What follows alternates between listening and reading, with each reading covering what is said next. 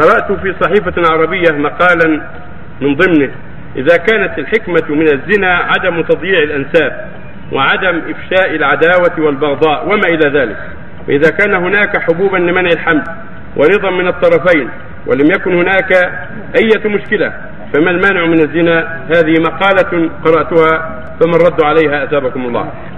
الأصل فيما حرم الله أنه يجب التزامه وما أوجب الله يجب التزامه. أما كونه يعلم الحكمة هذا نور على نور خير إلى خير فما حرم الله وجب تركه مطلقا. ولو لم يعلم الحكمة. ولو علم أن الحكمة التي يعلمها منتفية. في ذلك فإنه يجب يلتزم بما حرم الله عليه كما يلتزم بما أوجب الله عليه. والله حرم الزنا. قال لا تقربوا الزنا إنه كان فاحشة وساء سبيلا. ولم يقل إلا إذا كان ما تحمل أو إذا كان كذا أو كان كذا.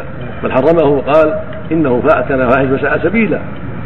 فالزنا حرمه الله ورتب عليه العذاب الأليم ومضاعفة العذاب وخلود في النار.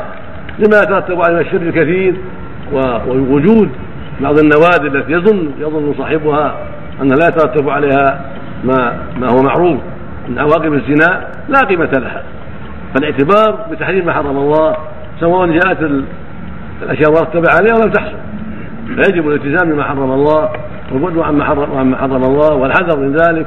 ولو فرضنا أن تلك الحكم التي نص عليها العلم لا تأتي ولا تقع.